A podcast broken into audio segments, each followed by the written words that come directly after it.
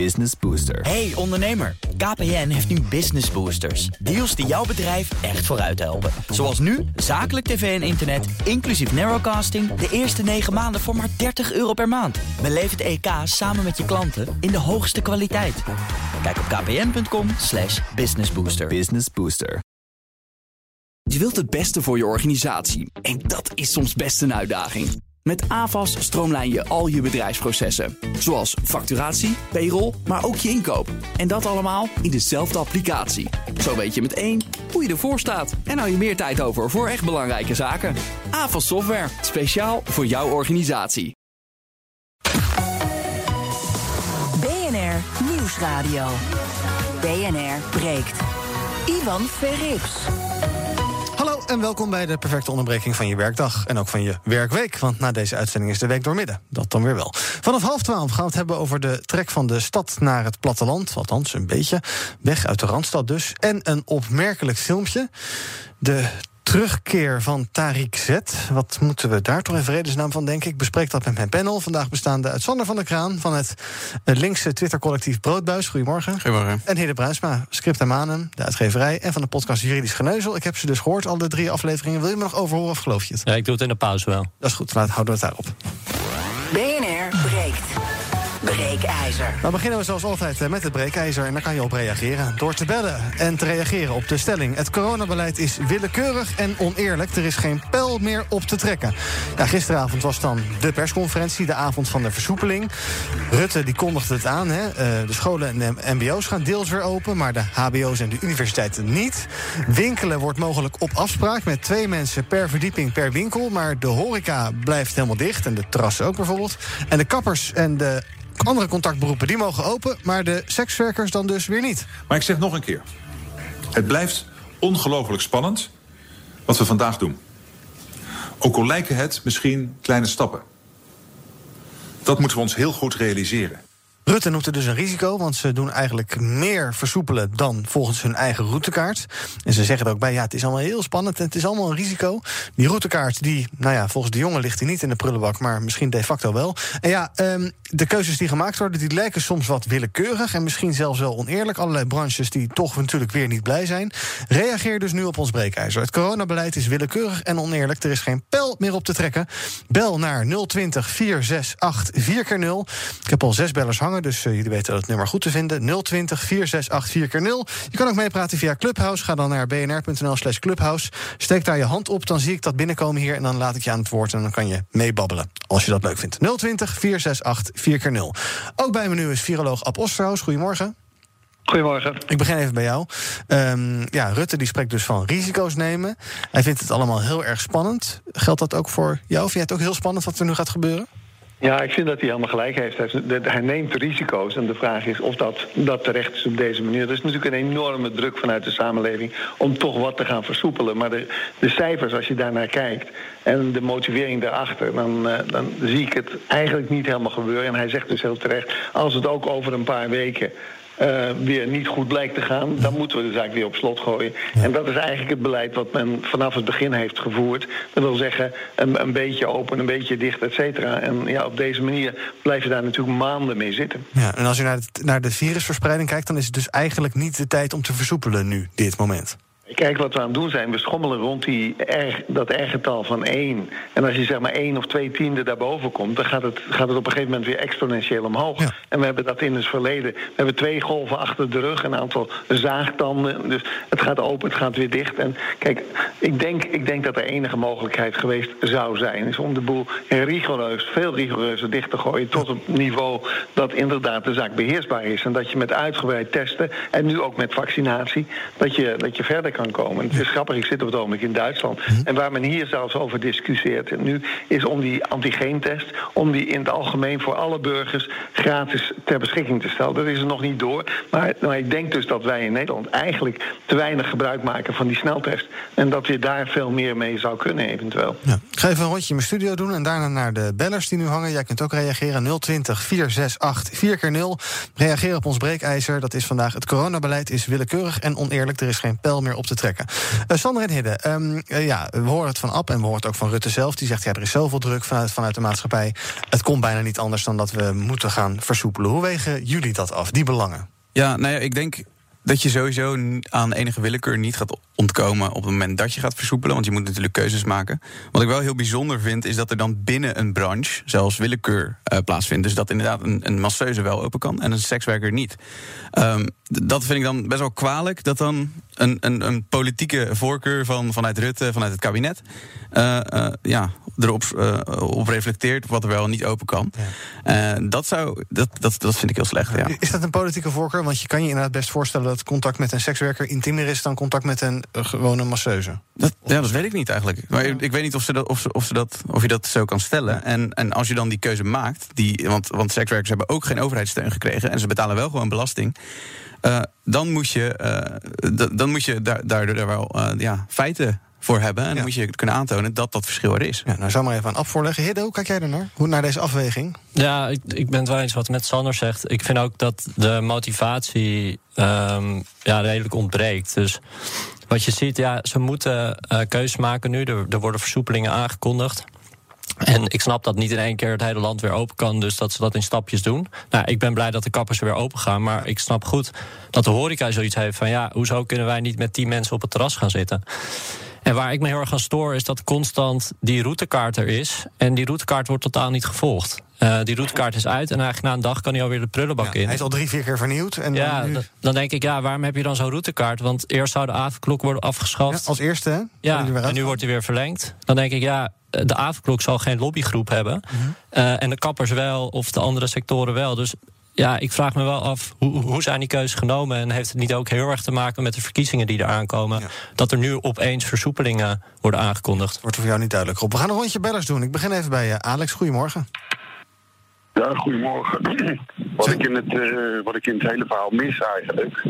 is, uh, er is geen ene journalist die vraagt dan uh, aan Rutte van... wat heb je nou in dat hele jaar gedaan om die intensive care capaciteit op te schalen? Uh-huh. Of de zorg op te schalen. Dat mis ik. Want ik bedoel, hij zegt continu die maatregelen zijn nodig om, uh, om de zorg te ontlasten. Uh-huh.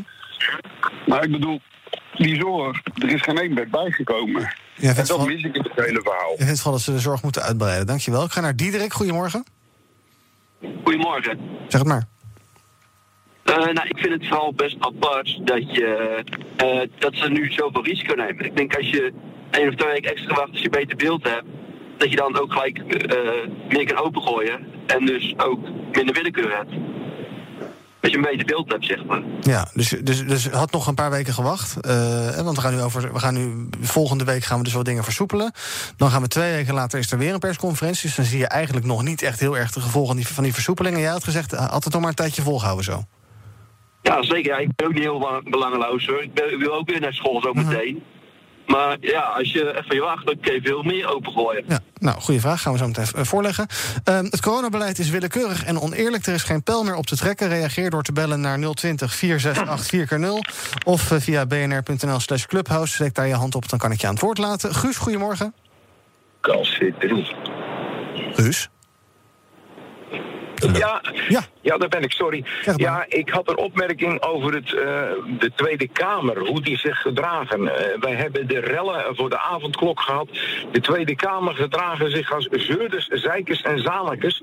Zij scheppen ook een heleboel onvrede onder de bevolking. En ik denk dat dat ook meewerkt, waardoor wij allemaal die discussies hebben en die avondklokrellen hebben gehad. Ik vind die Tweede Kamer niet goed functioneren. Dan hoor ik weer een Lilian Ploemen zeggen, ja, we gaan de boel eens recht zetten. Nou, dan denk ik, mens, je was vier jaar geleden toch zelf minister. Maar Waarom kijk, heb je dat toen niet gedaan? De, de Tweede Kamer maar, kijkt toch kritisch naar hoe het kabinet het doet? Dat is toch goed? Ja, maar ik, ik hoor alleen maar gezeur en gezamenlijk uit die Tweede Kamer. Oh, nou, en toen was hij weg. Maar dat geeft niet. Um, Joris, goedemorgen. Goedemorgen.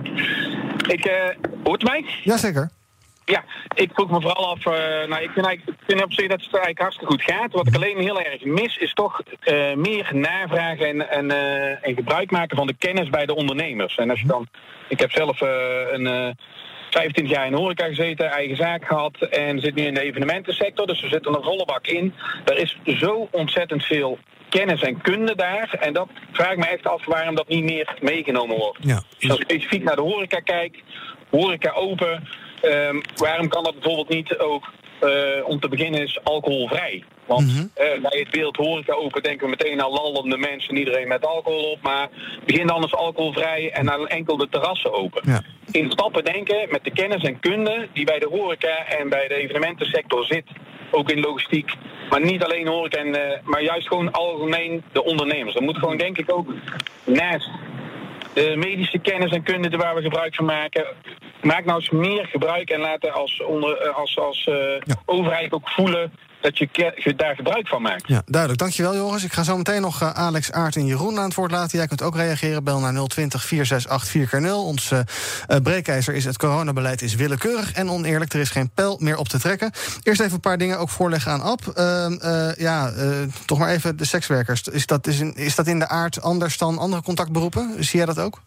Nou, ik ben viroloog, dus ik heb geen specifieke ervaring met sekswerkers of massa- masseurs. Of ma Dus ik, ik denk dat het voor mij niet zo makkelijk in te schatten is. Ik denk inderdaad dat als, het, als er intiemer contact is of closer contact, wat, wat je je kunt voorstellen, dat dat risico wat groter zou zijn. Nou, dan moet je maar gewoon alleen een gesprek voeren met de sekswerkers. Ehm, en een van de bellers zei ook: ja, we moeten toch. Het was toch beter geweest om even te wachten. Om nog een paar weken te wachten. En dan zit je ook nog eens voor die verkiezingen. Maar daar laten we het even afgezien daarvan. ha- Had jij ook gezegd van ja, we kunnen, hadden toch beter nog een paar weekjes dit even kunnen volhouden. En dan ook, ook in het kader van die derde golf. Want eh, even naar Ernst Kuipers, die zat gisteren bij het landelijk netwerk. eh, of die zat gisteren bij op één van het landelijk netwerk acute zorg. En die waarschuwde weer voor die derde golf. Daar horen we eigenlijk al best lang over. Even luisteren. Als je even rekening houdt met de predicties, ook voor die Britse variant. Als we door deze versoepeling maar 10% sneller omhoog gaan dan tot nu toe de voorspelling is, dan kom je in de loop van de komende eh, zes tot acht weken toch nog weer behoorlijk in de problemen. Dan heb je een grote kans dat je ook nog weer terug moet draaien. En daar wil je eigenlijk bij wegblijven. Ja, ik ga zo Wil aan het woord laten via Clubhouse. Maar eerst even Ab over die derde golf. Ja, daar horen Ja. we dus al heel lang over. Hoe, hoe, hoe- wanneer, ja, ik zou bijna zeggen, wanneer komt die nou? Ja, liever niet, maar hoe zit dat? Ja, ik, ik denk dat wat, wat met name Diederik zei over de risico's die we nemen, en, en Ernst Kuipers zegt in feite hetzelfde, waren het niet beter geweest om iets langer te wachten en dan iets langer, hij praat dan over een paar weken, maar je kunt dat niet direct in weken uitdrukken. Wat je moet hebben is eigenlijk een strategie, een exit-strategie. Wat ga je nou doen? Gebruik je alle tools op het ogenblik die we hebben? Nou, en ik noemde net al bijvoorbeeld het veel uitgebreider gaan testen. Dat is mogelijk op het ogenblik. Er lopen allerlei experimenten. En ik denk dat je daar heel zwaar op zou moeten inzetten. Dat als je zegt dat je toch minder risico wil nemen. En we nemen, we nemen echt een risico op het ogenblik. Als je dat niet wil doen, nou, dan denk ik dat je alle, alle, alle middelen die je hebt moet gaan gebruiken. En ik noemde ze net al. En we zitten natuurlijk, die vaccinatie komt eraan uiteindelijk. Dus we, we nemen nu al een voorschot schot op iets wat we, wat we nog helemaal niet hebben. Ja, we hebben nog op dit moment geen, geen echte mogelijkheden om, om echt te gaan versoepelen. Misschien dat we een beetje geholpen gaan worden door het mooie weer wat eraan komt. Maar dat is allemaal speculeren. En ik zou liever aan de veilige kant gaan zitten. Hoe het zit met die Engelse variant, dat weten we niet op het ogenblik. Daar zijn wat tegenstrijdige berichten. Maar ik denk dat met Diederik dat ik het eens ben dat je langer zou moeten wachten. Maar dat je echt heel duidelijk een strategie zou moeten formuleren. Want we weten wat is nou eigenlijk het doel van het, van het meer openstellen. Is dat alleen maar het tevreden stellen van, eh, van ontevreden burgers? burgers? Ja, dat kun, je, dat kun je doen. Maar je kunt ook zeggen, hoe hou je dat virus onder controle? Hoe druk je het weg? En dan moet je, moet je in een korte periode, een relatief korte periode, hele zware maatregelen nemen. Het R-getal echt dramatisch omlaag zien gaan. En dan met een strategie daar weer uitkomen. Dan voorzichtig de boel weer open doen. Maar wat we nu doen, is gewoon de boel voorzichtig open doen. En het gevolg daarvan zal ongetwijfeld zijn dat het R-getal weer zal gaan toenemen. En dat je meer gevallen krijgt. En de risico's die Ernst Kuipers schetst, daar ben ik het helemaal mee eens. Sander, wat reageren? Ja, want ik vraag me dus af of er ook, tenminste ik denk het eigenlijk zelf wel, eh, of er iets valt te zeggen over de politieke intentie achter dit beleid nu. Dus dat er eh, een, een risico wordt genomen, dat, dat geeft Rutte ook zelf toe, dat buiten eh, het beleid uit eigenlijk voor uitgestippelde eh, beleid valt. Ehm, en wat ik eigenlijk zie, is dat er nu dan een, een soort van een, een vreugdegevoel zou kunnen ontstaan van we gaan richting een openere samenleving en we zijn eigenlijk aan het winnen tegen het virus. En dat de gevolgen daarvan eh, pas merkbaar gaan zijn na de verkiezingen. Ja, zo'n sluipmoordenaar. Ja, dus dat we nu, eh, nu komt er een, een zegeviering eigenlijk. En dat we pas later daarvan, de, ja, een aantal weken na de verkiezingen, de gevolgen daarvan eh, gaan terugzien in de cijfers. En dat vind ik best nog een gevaarlijke ontwikkeling. Dus dat, dat corona en het coronabeleid nu politiek gebruikt wordt. En dat wordt het eigenlijk al sinds het begin. Want ik denk dus ook al dat uh, op het moment dat, dat, dat corona hier kwam, uh, dat, dat de VVD, of dat in ieder geval de, de politieke partijen toen al wisten dat dit zou mee gaan spelen in de campagnes. Dus het feit dat we toen uh, Hugo de Jonge en, en Mark Rutte zijn aangesteld als oké, okay, jullie gaan dit leiden, is een politieke keuze geweest. Ja. En, en ik vraag me dus heel sterk af van kan je dat belangeloos doen? Zeker als je bekend staat als zijn de, de leider van de ondernemerspartij bijvoorbeeld. Ja, zeker als je, Wat maan, kun je dan? als je de Ja. komende maanden verkiezingen hebt. En je ziet het dan in het Verenigd Koninkrijk en in, in, in, in Duitsland zie je dat ze daarvoor corona- coronaministers hebben aangesteld.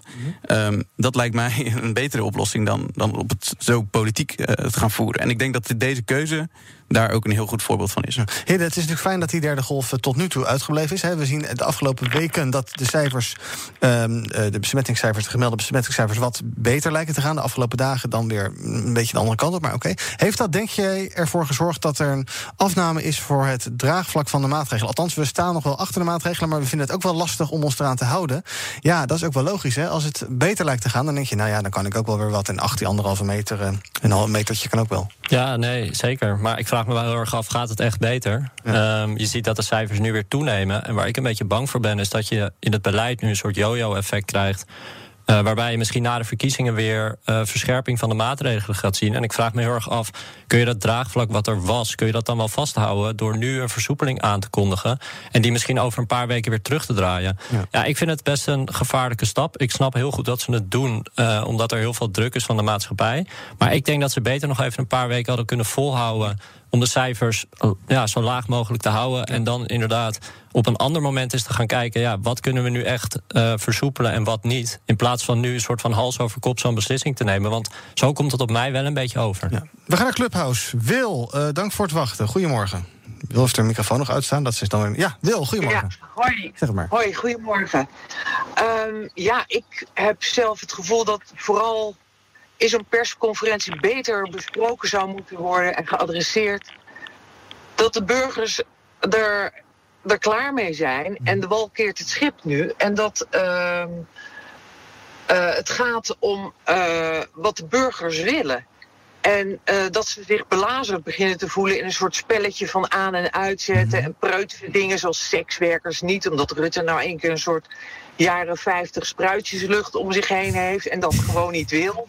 Want dat voel je erachter. Hm. Maar ze doen nu toch juist wat, wat, wat, wat het volk wil? Want ja, we, we gaan versoepelen omdat we- wij daar met z'n allen behoefte aan hebben. Ja, maar benoem dat dan ook beter dat eh, de mensen voelen zich gewoon een speelbal. Ja. En ze voelen zich, en dat wordt niet gezegd, dat speelbal wordt niet gezegd. Er wordt wel gezegd, de mensen zijn er klaar mee. Maar de mensen zijn er ook klaar mee, denk ik, dat het eh, voelt als een spelletje, een politiek spelletje.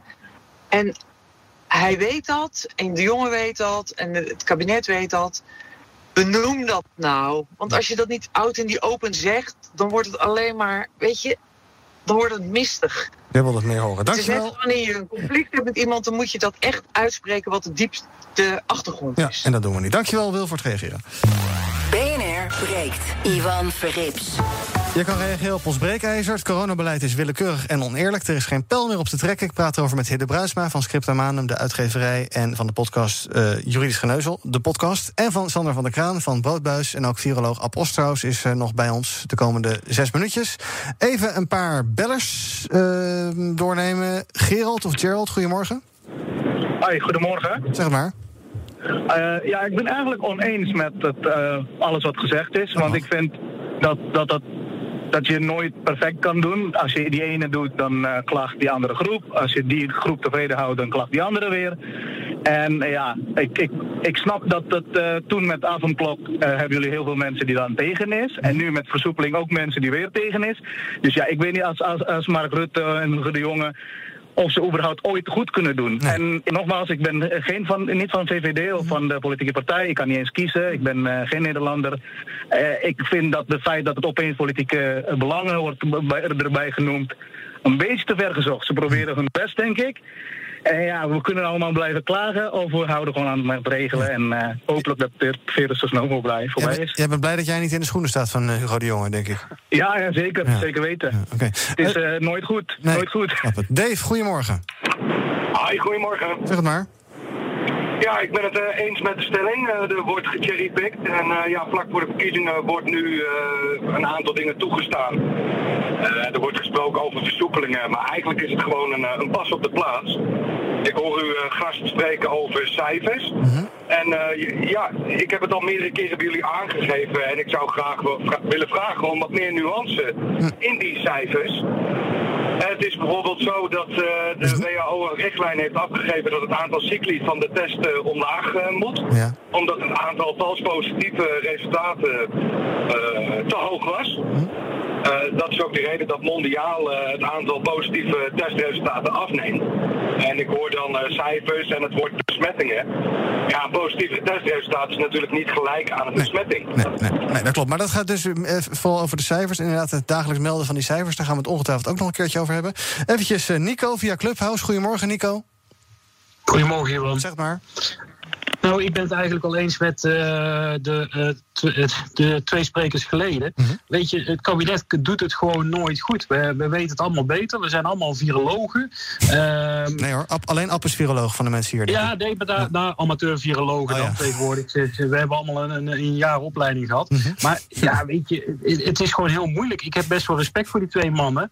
Eh, en probeer de keuzes maar te maken. Mhm. En ja, de Tweede Kamer, eh, die roepen al een jaar lang eh, maatregelen harder, harder, harder. Mhm. En nu versoepelen we. En is het weer niet goed. Ja. Het is nooit goed. Nee, ik vind het wel leuk, want met Clubhouse kan ik ook een foto zien. Dan zie ik een VVD-logootje in jouw profielfoto. Ja, Eh, ja maar ik, ben- ik, dat is wel. Ik ben het niet in alles met de partij eens of met de partij. Oh, net als Rutte dus, ja? ja. Nee, maar ik ben was benieuwd. eh, We hoorden net, de, de politiek is hier heel erg in ver- ver- verweven. Wat vind jij ervan? Ja, klopt. Ja. Klopt helemaal. Ja. En dat, dat zie je in alles. Kijk, eh, eh, Wilders riep een jaar geleden... eh, er mag geen doden vallen. Mhm. Ja, eh, daar kunnen we niet voor komen. Eh, nu roept Klaver, we, we moeten verder versoepelen. Een maand geleden riep je nog, het moet nog zwaarder. Mhm. Ja, het, het is gewoon, het is, je doet het nooit goed als, eh, als eh, minister-president en als eh, minister van Volksgezondheid. Maar vind, vind je het niet ook heel toevallig dat dan een aantal weken voor de verkiezingen er risico's worden genomen die niet volgens het beleid eigenlijk zijn? Dus de routekaart die schrijft voor dat er eigenlijk andere keuzes genomen moeten worden. Maar Mark Rutte kiest ervoor om andere keuzes te nemen en dat zo vlak voor de verkiezingen. Is dat niet, is dat niet een beetje toevallig? Ja, maar weet je, dat is altijd heel lastig. Kijk, eh, als er geen verkiezingen waren, dan was het weer... ja, hij probeert je eh, mensen sowieso te pleasen... want hij luistert te veel naar de burgers. Ehm, er, er wordt misschien ook te veel achtergezocht. Dank voor het reageren, Nico. Ik eh, wil nog even naar Ab Osterhaus. Ehm, eh, eh, ja, misschien dat we toch een beetje positief dit half uur moeten afsluiten. Ik kijk naar buiten en ik zie de zon schijnen. Dat betekent, het wordt misschien wel 20 graden vandaag. Het is nu een graad, nou 16, zoiets. Dat moet toch hoop geven voor de komende weken. Want hoe heter, hoe beter, toch? ja, in principe is dat waar. Alhoewel, als we kijken naar bijvoorbeeld Brazilië, daar hebben we grote problemen gehad, ondanks het warme weer daar. Dus het is zeker niet zaligmakend. En één zwaluw maakt natuurlijk nog geen zomer. Dus we moeten daar toch wel mee oppassen. En als we echt te veel gaan versoepelen, als, als we überhaupt gaan versoepelen, betekent dat het oplopen van dat R-getal, en dat is zoals Ernst Kuipers net zei, is dat iets waar je, waar je heel voorzichtig mee moet zijn. En ik zou toch voor een beleid zijn wat, wat ve- veel conservatiever is. En, en geënt op de mogelijkheid om dat virus onder controle te brengen. En dat doen we niet op het ogenblik. Dus het ontbreekt aan strategie. En ik realiseer me dat is niet, dat is niet al te positief. Maar ik denk wel dat als je, als je ziet wat er nu gebeurt. En toch, de mensen houden zich redelijk aan de, aan, aan de maatregelen. En ik denk dat je, als je een tandje bijzet, dat dat een betere policy zou zijn dan nu de zaak enigszins versoepelen. En het is natuurlijk altijd zo dat eh, het beleid wordt, wordt ingegeven door en met name ook door politieke keuzes. Dat is onvermijdelijk natuurlijk in een democratie. Dus daar zit je aan vast. Maar, En natuurlijk zeg je als viroloog... de enige naar waar je naar zou moeten luisteren... zijn de virologen, epidemiologen. Maar er is natuurlijk een maatschappelijk probleem, dat is duidelijk. Dankjewel voor het reageren. En ik sluit het half uur af met eh beller Jeroen Vink. Jeroen, eh, goedemorgen. Ja, goedemorgen. Ja, ik vind persoonlijk een wanbeleid. Ik heb twee jongens vrienden, twintig, die gaan gewoon weer naar hun werk. Gaan gewoon bevrienden na 9 uur op bezoek. Want die snappen niet dat hun twee oma's van 88 en 89 een vaccin krijgen. Waarvan er één zelfs terminaal is. Dus hoe moet ik het, hoe moet ik het nou in hun godsnaam uitleggen hoe het allemaal werkt. Zij zeggen ook, wij hebben de jeugd, we- ja, dit houden we niet meer vol. Ze zien terrassen in het weekend open, pleinen bedoel ik met wijn uit de Albert Heijn of de Gallengal. Het, eh, er is geen draagvlak meer bij de jeugd, merk ik. Nee, ik snap het. Dankjewel voor het reageren. En ook eh, dank aan alle andere bellers. Ook excuus aan de mensen die ik niet aan het woord heb kunnen laten, zoals Martin. Eh, spijt me. En ook Frans. eh, excuus daarvoor. Ehm, helaas. We zijn aan het einde van het breekijzer voor nu. Zometeen praat ik met mijn panel verder over de loonsverhoging voor supermarktpersoneel. Dan zou je denken, hoera, iedereen blij. Maar nee. En natuurlijk de opmerkelijke en onheilspellende video die opdook van Tariq Z. Of zoals die op Instagram heet, Tariq Zaza. Dat is dan waarschijnlijk zijn achternaam. Kiest u zelf maar hoe u hem noemt. Zometeen eh, in het tweede deel van BNR Breekt. Tot zo. Nieuwsradio. BNR breekt. Ivan Verrips. Welkom terug. Genoeg te bespreken weer. Het komende half uur in BNR Breekt... met vandaag in mijn panel Sander van der Kraan van Broodbuis... en onze huisjurist Hidde Bruinsma van uitgeverij Scriptamanum... en de podcast Juridisch Geneuzel. Nee, het is Juridisch Geneuzel, de podcast, zo is het toch? De podcast Juridisch Geneuzel. toch wel, oké. Ehm, we gaan het hebben over de supermarkten. Ehm, die hebben de afgelopen maand de salarissen van honderdduizenden werknemers verhoogd... met 2,5 procent. Nou... Super, zou je denken. Al die eh, jonge mensen die vakken vullen, die krijgen er wat bij. Maar eh, toch is niet iedereen er blij mee. De mededingingsautoriteit, de ACM, is daar nu onderzoek naar aan het doen. Want de afspraak over de loonsverhoging valt buiten de CAO. En dat mag dus niet. De vakbonden die zijn al vanaf eh, september aan het onderhandelen met de supermarkten over een loonsverhoging. FNV eist de 5% Ja, ze zetten altijd hoog in. Maar er is nog geen akkoord bereikt. Nou, eh, dan doen die supermarkten eens iets goeds, eh, Sander. Ik ga zo meteen met jou praten over het juridische deel, hoor, Hidde. Maar Sander, doen die supermarkten eens iets goeds voor hun personeel... en dan gaat de ACM dwars liggen. Dat is mooi waardeloos. Ja, ik denk dat het ook precies het sentiment is dat ze proberen te creëren. Van, dan, dan krijg je loonsverho- loonsverhoging en dan ben je nog steeds aan het zeuren als, Ja. als supermarktmedewerker zijn en als FNV zijnde. Ehm, maar waar het natuurlijk op lijkt is een, ja, een illegale afspraak tussen de supermarkten om iets te doen buiten de CAO om. Om eh, eh, de, de, de, de druk van de, van de FNV, van, van de vakbonden, eh, te verlichten en eh, van zich af te halen. En dat lijkt me een hele slechte ontwikkeling, omdat je gewoon de vakbonden bij het spel zet in, een, in, in, in, in afspraken over, eh, over lonen. Ja. En dat zie je sowieso nu al in een, een soort van trend waarin supermarkten zich vrij schofterig gedragen het- met, rondom de coronacrisis. Ze maken miljoenen extra winst. En, en eh, ondertussen lopen ze wel van de onderhandelingstafel en zijn ze die, die vakbonden aan het strongarmen. En dit is denk ik een, vervol- een vervolg daarvan. Mhm. Ja, dus dat lijkt me heel slecht. Ze lopen weg van de eh, tafel waar het moet gebeuren. En dan eh, geven ze een, een kruimeltje aan, Ja. nou, ik zeg maar even, aan, ja, aan, aan de vakkenvullers. En dan, oh, dan hopen dat ze daarmee tevreden zijn. Ja, en dan, het sentiment gewoon te sturen. Ja. vakbond natuurlijk ook niet blij. Want die vinden ook dat de werkgevers onderling geen afspraken mogen maken over loon. Ehm, eh, terwijl je ook zou kunnen denken, nou ja, 2,5 procent. Ach ja, het is geen 5, maar het is ook niet nul wat het nu is. Nee, nee, nee, maar het is, het is alsnog heel schadelijk... omdat het niet alleen gaat om die pro- procenten... maar het gaat er ook om het feit dat dus een branchevereniging... en die- en die supermarkten de vakbond buitenspel zetten. En eh, dat, dat is gewoon een heel gevaarlijk spel wat ze daar spelen. En ik hoop heel erg dat ze daarop teruggeroepen worden ook. Ja. Hidde, help ons. Ja, ik moet eerlijk bekennen dat ik niet precies weet hoe dit juridisch in elkaar steekt. Maar ik, wat ik eh, bijzonder vind, is dat eigenlijk de hele onderhandelingspositie van de vakbonden in één keer weg is. Want zij zijn bezig met het verhogen van de lonen. Ze willen 5% Nu krijgen, er wordt er inderdaad een kruimeltje toegeworpen waar dan eh, ja, juichend op wordt gereageerd. Maar ja, die vakbonden zullen zoiets hebben van ja, maar dit is helemaal niet de deal die wij voor ogen hadden. En het wordt nu wel heel lastig.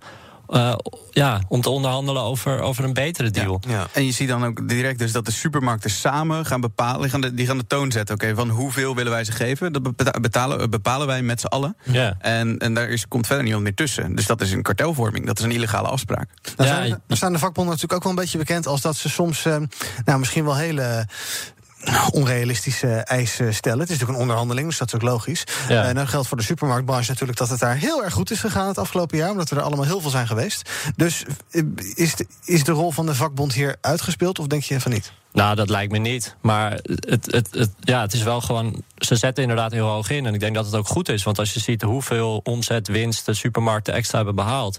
eh, Dan, die mensen hebben er allemaal keihard voor gewerkt. Die hebben er eigenlijk heel weinig voor teruggezien. Die hebben tijdens corona eh, ook met gevaar eigenlijk gewerkt. Want supermarkten zijn denk ik de plekken waar, ja, waar, waar best wel wat besmettingen plaatsvinden. En die mensen hebben, hebben zich keihard ingezet. Die krijgen nu 2,5 procent. En die zullen zoiets hebben van, nou top, we hebben in ieder geval een verhoging. Ja.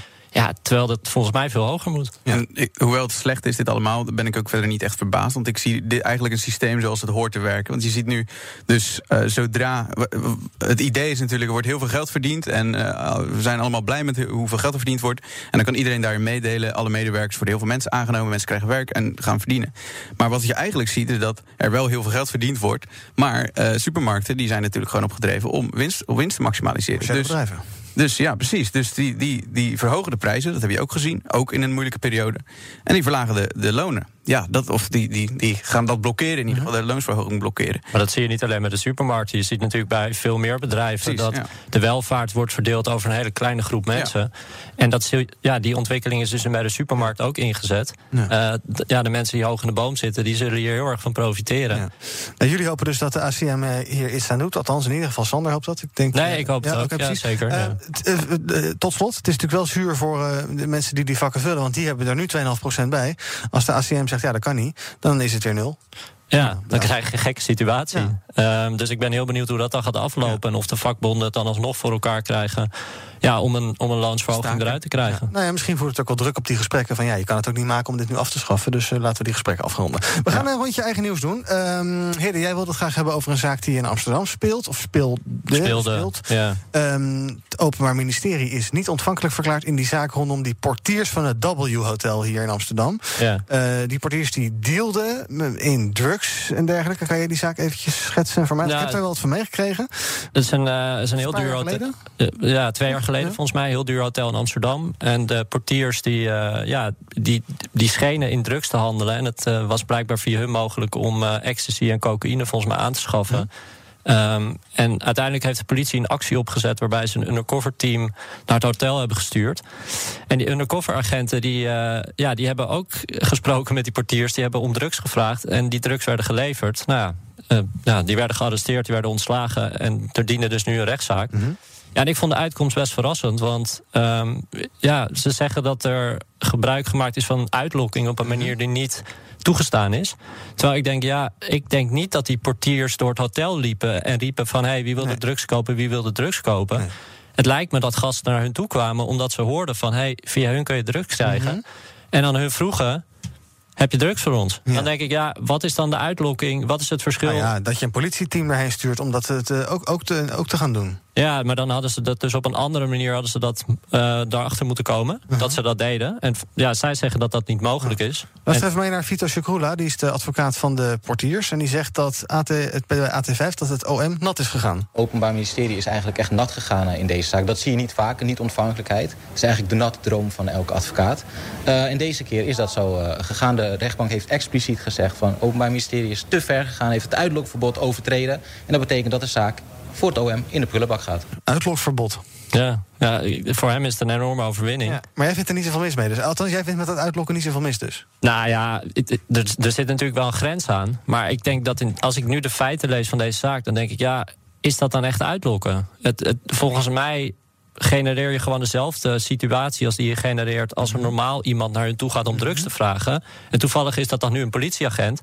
En dan is het opeens uitlokking. Dan denk ik, ja, volgens mij bootsen zij gewoon de echte situatie na... en, en lossen ze daarmee dit probleem op. Ja. Dus ik was wel verrast door de uitspraak. Ja, ik, maar aan de andere kant denk ik ook... op het moment dat, als ik uh, de situatie op mezelf betrek... en je, zou, je bent uh, s'avonds laat in de stad en alles is dicht... en je gaat naar iemand toe en je vraagt... hey, de koffieshops zijn dicht, kun je nog iets regelen? Uh, dan wordt iemand gewoon een soort van geactiveerd. En dan zegt ja, sure, ik, ik kan wel iemand bellen voor je. Dan, dan ga ik dat wel regelen. En op dat... dat opportunisme speel je dan in natuurlijk. Dus in die zin zou je dan kunnen zeggen: oké, okay, dat opportunisme wordt getriggerd door de vraag en niet per se door het aanbod van: hey, wil jij drugs van mij kopen? Ja, dus maar ik vind het wel anders dat je naar een willekeurig iemand stapt uh, om drie uur s'nachts op de dam, ja. dan dat jij portier bent bij een heel duur hotel. Um, waar je misschien toch ook een soort voorbeeldfunctie verricht. Waarbij jij mensen ontvangt. En, ja. Dus, maar de vraag is dus, hoe ver mag je gaan met uitlokken? En jij vindt dat dit prima zou kunnen? Ik vind dat dit prima zou kunnen. En de rechter oordeelt daar nu dus anders over? Er komt een hoger beroep, dus ik ben heel okay. benieuwd wat daar dan uitkomt. Nou, we, als de uitslag daarvan is, gaan we het er vast over hebben. Hoe, uh, hoe, ja, want, want, want dan kan je natuurlijk als politie zijn alles wel gaan uitlokken. Dan kan je gaan uitlokken dat mensen door rood uh, uh, lopen... en dan ga je ze dan beboeten en dat mensen te hard rijden. En ja, de, de, waar, waar, hoe, hoe weegt dat voor jou af? Nou ja, dat moet natuurlijk wel een, iets zijn waar, waarvan ze denken dat het gaande is. Kijk, als jij door rood fietst eh, en dat wordt uitgelokt, ja, dat lijkt me wel een ander geval, want dat gebeurt echt op dat moment. Maar hier was natuurlijk sprake van dat er al langere tijd geruchten gingen dat deze mensen in drugs aan het dealen waren. Eh, en dat de politie geen andere uitgang ja, gang had dan het op deze manier te doen, omdat ze er volgens mij op een andere manier erachter konden komen. Dan denk ik, ja, ik vind dat toegestaan. Maar goed, ik ben hier niet de rechter. Eh, dus ik kan dat heel leuk vinden. Maar ik ben heel benieuwd wat, wat, ja, wat er een hoger beroep uitkomt. Nou, we gaan kijken wat het Hof daarvan vindt. BNR breekt. Ehm, nog eh, twaalf minuutjes eh, BNR breekt. Ehm, we zijn bezig met het rondje met eigen nieuws. Sander, jij wilde het graag hebben over een afscheidsinterview... met SP-Kamerlid Salet Kaboulout. Die vertrekt uit de Kamer. Ehm, ik heb het geprint in Trouw. Ja, klopt Eh, inderdaad. Waarom wil je het daarover hebben? Ja, omdat het eh, ten eerste heel jammer is. Omdat het een van de beste Kamerleden eh, was, altijd, vind ik. En anders had ze ook zeker mijn stem gehad. Ehm, en ik, ik, ik zag in haar altijd juist... eh, het- wat uiteindelijk ook de reden is dat ze bij de SP weggaat, denk ik. Dat ze ideologisch heel standvastig is.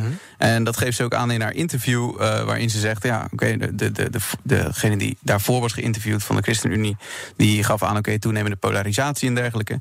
En zij geeft daarin aan: ja, oké, toenemende polar- polarisatie. We mogen ook best toespitsen op de verschillen tussen een SP en een VVD, of de SP en de PVV. En dat vind ik ook iets wat eigenlijk mist nu heel erg. Want je ziet nu dat politieke partijen, eh, waaronder zelfs bijvoorbeeld GroenLinks, eigenlijk en, en SP dus, met, met Marijnissen, flirten met eh, eh, regeren met de VVD. En daarin dus niet het heel de tijd durven te hebben over waarom zij ideologisch van de VVD verschillen. Dus het gaat heel de tijd over. Over ja, kleine verschilletjes en dingetjes waarin je eigenlijk wel tot elkaar zou kunnen komen. En Karabulut is ehm, als ja, geen ander altijd de- daarop alert geweest en heeft altijd al gezegd: oké, hierop verschillen wij zo erg. Dit, dit, ja, wij, zijn ideologisch zo ver van elkaar verwijderd. Daar komt, daar, daar, daar, daarin kunnen we niet tot elkaar komen. Nee. En dat ga ik heel erg missen in de Kamer nu. Oké.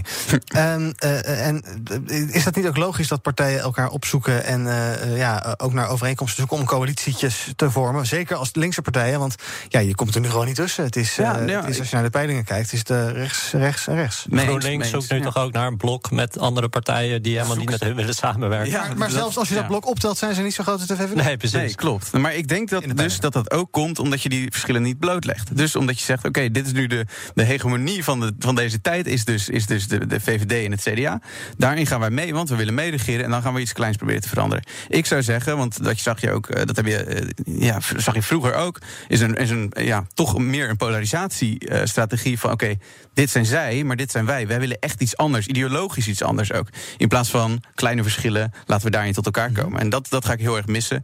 En zeker ook haar stem eh, altijd heel standvastig eh, over, de, over de NAVO en over eh, de, de, de interventies in het buitenland. Hoe ze ook de hypocrisie van de VVD daar keer op keer aan wist te tonen. Van oké, je wil wel oorlogjes spelen, je wil wel landen bombarderen, maar zodra mensen hier aan de, aan de poort staan te rammelen, eh, ga, je, ga je xenofobe politiek voeren. Dus ja, ik ga je heel erg missen in ieder geval. Inhoudelijk Kamerlid ook. Zij wilde ook de leider worden van de SP.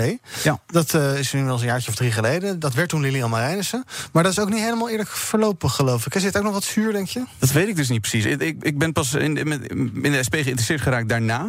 Ik, ik weet in ieder geval dat ik achteraf heel erg graag had gezien dat zij het was geworden. Mhm. Ik denk ook dat dat inderdaad, eh, misschien niet per se dat zij het niet is geworden, maar vooral het ideologische of niet het, het, het, het pragmatische verschil eigenlijk tussen Marijnissen en Karabulut. Waarin ze dus, Marijnissen dus zegt: oké.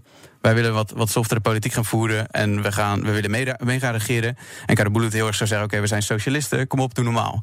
En dat is een politiek die ik by far eh, ja, eh, prefereer. Ja. Ehm, jij hebt, eh, ik ga even gewoon klaarmaken voor je podcast, Juridisch Geneuzel. Ehm, morgen een aflevering over hoe politieke partijen kijken naar... Naar de arbeidsmarkt. Hoe ja, kijkt, hoe kijkt dus, de SP eh, daarnaar? Poeh.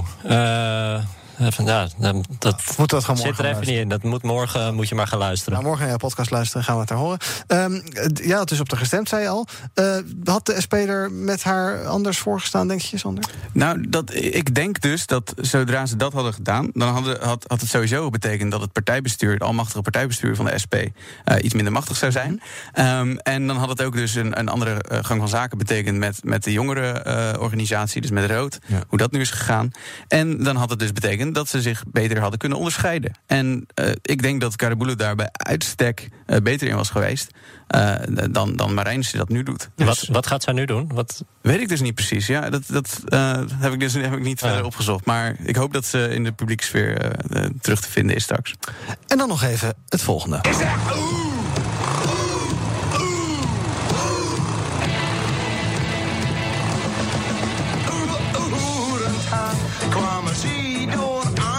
Ja, het is een beetje stereotyperend, maar uit de cijfers van het CBS blijkt dat we relatief steeds wat vaker van de Randstad naar de regio of naar het platteland, maar in ieder geval naar buiten de Randstad trekken.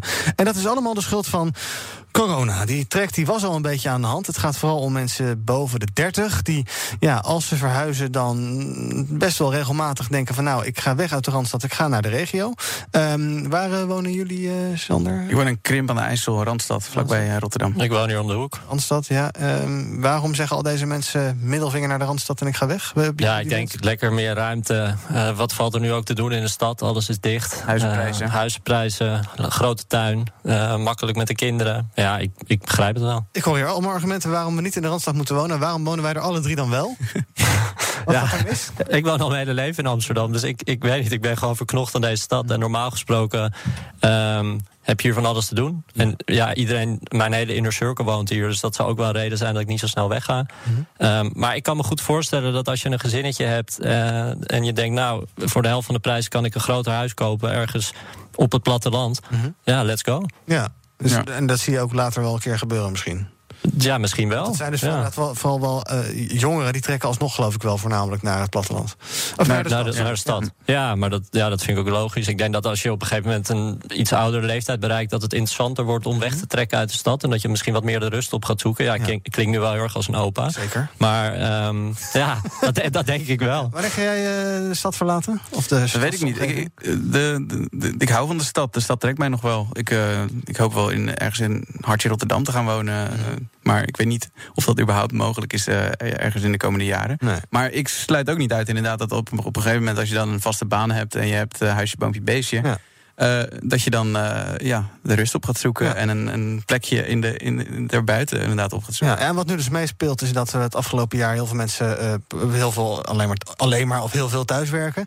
Ja, dan hoef je ook, stel dat je in de stad werkt, dan hoef je niet heel erg in de buurt te wonen, maar dan ga je wat lekker wat verder wonen en dan ga je alsnog één of twee dagen per week naar werk, maar dan reis je wat verder. Maar dan hoef je niet elke dag te kleren en te rijden of te trainen naar die werkplek. Dus dat is op zich wel iets. Ja, dat is log logische ontwikkeling. ja. ja. Dus hierna uh, wordt de trek nog groter naar het platteland. Ja, en dan, kunnen, en, dan kunnen, en dan kunnen wij dus huizen gaan kopen in de steden. Precies, ja. ja daar zie je nog weinig verandering qua prijzen, dus ik ben benieuwd. Tamelijk weinig verandering. Het zal een soort lange termijn ideetje zijn wellicht. We nog even een rondje trending in de social media. Wat uh, speelt daar nu? Ja, uh, hashtag zonsopkomst. Kan niet zoveel doen. Wij brengen het nieuws als eerste hier. Het is namelijk lente. Klaar met Rutte, klaar met Kaag en klaar met de jongen zijn alle drie trending. En ook het Silvana-leger. Dat zei uh, Ruud de Wild in zijn show op Radio 2. Want hij is door het Silvana-leger overvallen met kritiek... op zijn interview met Thierry Baudet. mijn nieuws is dat ik ja, een hoop, hoop bagger over me heen krijg. Dat ik Thierry Baudet gisteren in de eerste aflevering had... En, ja, het Sylvana-leger is uh, over me heen gestort. En, uh, en maar was je heel lief voor Thierry dan? Nee, ik behandel gewoon iedereen hetzelfde. En waarom zou ik Thierry Baudet harder behandelen dan iemand anders? Omdat, en waarom? Omdat het een lul is. Ik geloof, Juist. ik geloof dat uh, uh, Ruud de Wild had gezegd... Uh, nee, doe eerst maar even dit klapje. Komt een klapje? Ja, komt. Ja, fijn. Helemaal zenuwachtig van de muziekje. Ik geloof dat Ruud de Wild had gevraagd aan Thierry Baudet... ben jij een racist? En toen had Thierry Baudet gezegd nee. En toen konden ze verder. is, dit, is dat een goed interview? Is, en is het dat problematisch dat Ruud de Wild zo interview houdt? Ja, dat vind ik zeker. Zeker als hij de vergelijking maakt... of nou, nou, hij maakte niet per se de vergelijking... maar hij heeft eerder gezegd inderdaad... dat hij Sylvana Simons te polariserend vond. -hmm. ik vind het heel erg tekenend dat iemand die in mijn ogen overduidelijk een, een ja, neofascistische idealen heeft, uh, uh, minder polariserend zou zijn dan uh, een Sylvana Simons. maar het, het, inderdaad, wat, wat, wat hem ook gevraagd wordt van. Maar je, zou je hem niet anders behandelen dan? En dan zegt hij nee, nee, want ik wil gewoon uh, het hebben over hoe die daar gekomen ja. is en zo. Dat vind ik echt een probleem. Als je kijkt naar, naar wat iemand eh, ja, als je kijkt naar wat hij zegt, als hij het heeft over de Nuremberg eh, tribunaal en dergelijke, als je kijkt naar zijn, zijn eh, antisemitische en racistische uitlatingen en naar zijn politiek überhaupt, als je dan gaat hebben over iemand zijn jeugd en over iemand zijn, zijn, zijn, hoe, zijn persoonlijke klim naar de top en dergelijke, ja, dat is het normaliseren van fascisme in onze samenleving, vind ik. Uh, en Rutte Wild die draagt daar zijn, uh, zijn steen aan bij. Zo, dat zijn pas standpunten. Nou, ja, um, uh, ja je ziet het wel vaker, hè? veel persoonlijke interviews deze tijden. Ehm, misschien moeten we wat meer op de inhoud gaan zitten met z'n allen. Ja. Ben jij nog ergens hashtag klaar mee of valt het wel mee? Nee, maar ik vind het wel grappig dat. ik denk dat Thierry Baudet gewoon van tevoren heeft gezegd. Ik wil niet dezelfde kritische houding als bij Emma Wortelboer. Hmm. Want dan loop ik weer weg. Ja. En dat Rutte Wild iets had van. Nou, prima voor de luisteraar. Hmm voor de cijfers, dus uh, let's go. Ja, op zich was dat prima reclame. Hij is, hij is zelf ook trouwens een keer op het jongere FVD-congres geweest... om te spreken over het behoud van cultuur of zoiets. Rutte Wild? Wild ja. Ah. Dus oh. het zou ook al... Misschien dat, Precies, misschien hebben ze al iets... Uh, ja, ik weet het niet. We hebben nog twee minuutjes. We moeten het even hebben over dat opmerkelijke filmpje... dat gisteravond opdook, geplaatst door Tariq Zaza... op zijn Instagram-pagina, Tariq Zaza. We kennen hem nog als de man die zes jaar geleden... bij de NOS uh, binnendrong met een uh, neppistool. Um, en dat klonk toen zo, geloof ik. Of is het het filmpje van vandaag? Even kijken. Jullie kennen me... Oh, dit is het filmpje van gisteravond. Dat is het filmpje van Tariq Zet. Luister even mee. Jullie kennen me waarschijnlijk als de jongen die zes jaar geleden het NOS-journaal is binnengevallen. Ik heb in de gevangenis gezeten. Ik ben kritisch naar mezelf en mijn eigen daad gaan kijken. Ik heb mensen laten schikken. En ik ben mijn eigen leven weer gaan oppakken. Maar sindsdien is er niks veranderd. Ja, de politie heeft aan de NOS bevestigd dat het inderdaad om Tariq Zaza gaat. En het OM zegt, uh, hij zegt niks strafbaars in dit filmpje. Dus uh, uh, ja, hij mag zijn mening uitdragen. Daar valt niet zoveel aan te doen. Hidde, ik kan me voorstellen, hij zegt geloof ik aan het einde van het filmpje ook iets als... Ehm, ik ben terug, of zo? Dankjewel, ja. ik ben terug. Ik kan me toch wel voorstellen dat dat bedreigend overkomt als je bij de NOS werkt. Of ja. überhaupt als je dit ziet. Ja, nee, ik, vond, ik had het filmpje gekeken. Het zag er ook enorm gelikt uit. Ja. En ik had zoiets van, wat is dit? En ook dat hij aan het einde zegt, ik ben terug. Ja. Alsof hij tegen zijn fans spreekt. Ja, ik weet niet of hij fans heeft. Maar ik vond het best een beetje een, uh, een eng filmpje. Ja. ik, ik, zag dus op Instagram zag ik echt duizenden reacties met van... Uh, Ook ja, de bewonderende reacties. Pak ze, inderdaad. Ja. Ja. Ik pak ze aan, fake news. Uh, precies. Ja. Maar uh, de OM ziet hier dus niks strafbaars in. Denk je dat dat ook zo is? Of heb je daar nou ja, het is, ja, het is, ja, het is een filmpje hij is veroordeeld, hij heeft straf uitgezeten. Uh, ja, het is, hij, heeft niet echt een bedreiging. Het komt wel bedreigend over, maar ik denk niet dat dit strafbaar is. Maar ik ben wel heel benieuwd van wat wil hij hiermee? Wat, ja. wat wordt de volgende stap? Misschien is het een promotie voor zijn uh, podcast of zoiets. Ja, precies. Ja. ja. Uh, heel effectief. Was natuurlijk sowieso eerst de vraag: is hij het wel? Nou, dat heeft de politie dus bevestigd. Uh, ja, we gaan, ja, we kunnen wel in zijn hoofd proberen te kijken, maar het heeft geen zin. Maar het is wel een fascinerend ja. dat je deze vent ooit nog terug zou zien op in de media. Ja, dat had ik ook niet verwacht. En het, ik, ik, inderdaad, hoe moet je je voelen nu als je bij als je op de, de, de NOS-redactie zit? Ja. Wat uh, gaat er dan door je heen als je dit dan ziet van ik, ja. ik ben terug? Ja. Ja. Nou, uh, hij zegt dus ik ben terug, maar hij is niet helemaal terug... want inmiddels heeft Instagram het filmpje verwijderd. Mm. Um, daarmee zijn we aan het einde van deze onderbreking van je werkdag van BNR Breekt. En het is dus woensdag 12 uur, dus... Oh, de nieuws uit. De week is doormidden. Dank aan mijn panelleden Sander van der Kraan van Broodbuis... en Hidde Bruinsma van Scriptamanum en de podcast Juridisch Geneuzel. Morgen aflevering 4 daarvan. Ga dat luisteren. Morgen ben ik er ook weer. Uh, ja, morgen zondag, dan ben ik er ook weer. Tot die tijd kan je ons volgen op de socials. Op uh, BNR, op Twitter, op BNR Nieuwsradio. Op Instagram en natuurlijk op bnr.nl. En zometeen dus, ja, hij staat al klaar. Thomas van Zel met Zaken doen. Tot morgen. Hardlopen, dat is goed voor je. En Nationale Nederlanden helpt je daar graag bij. Bijvoorbeeld met onze digitale NN Running Coach... die antwoord geeft op al je hardloopvragen. Dus, kom ook in beweging. Onze support heb je. Kijk op nn.nl slash hardlopen.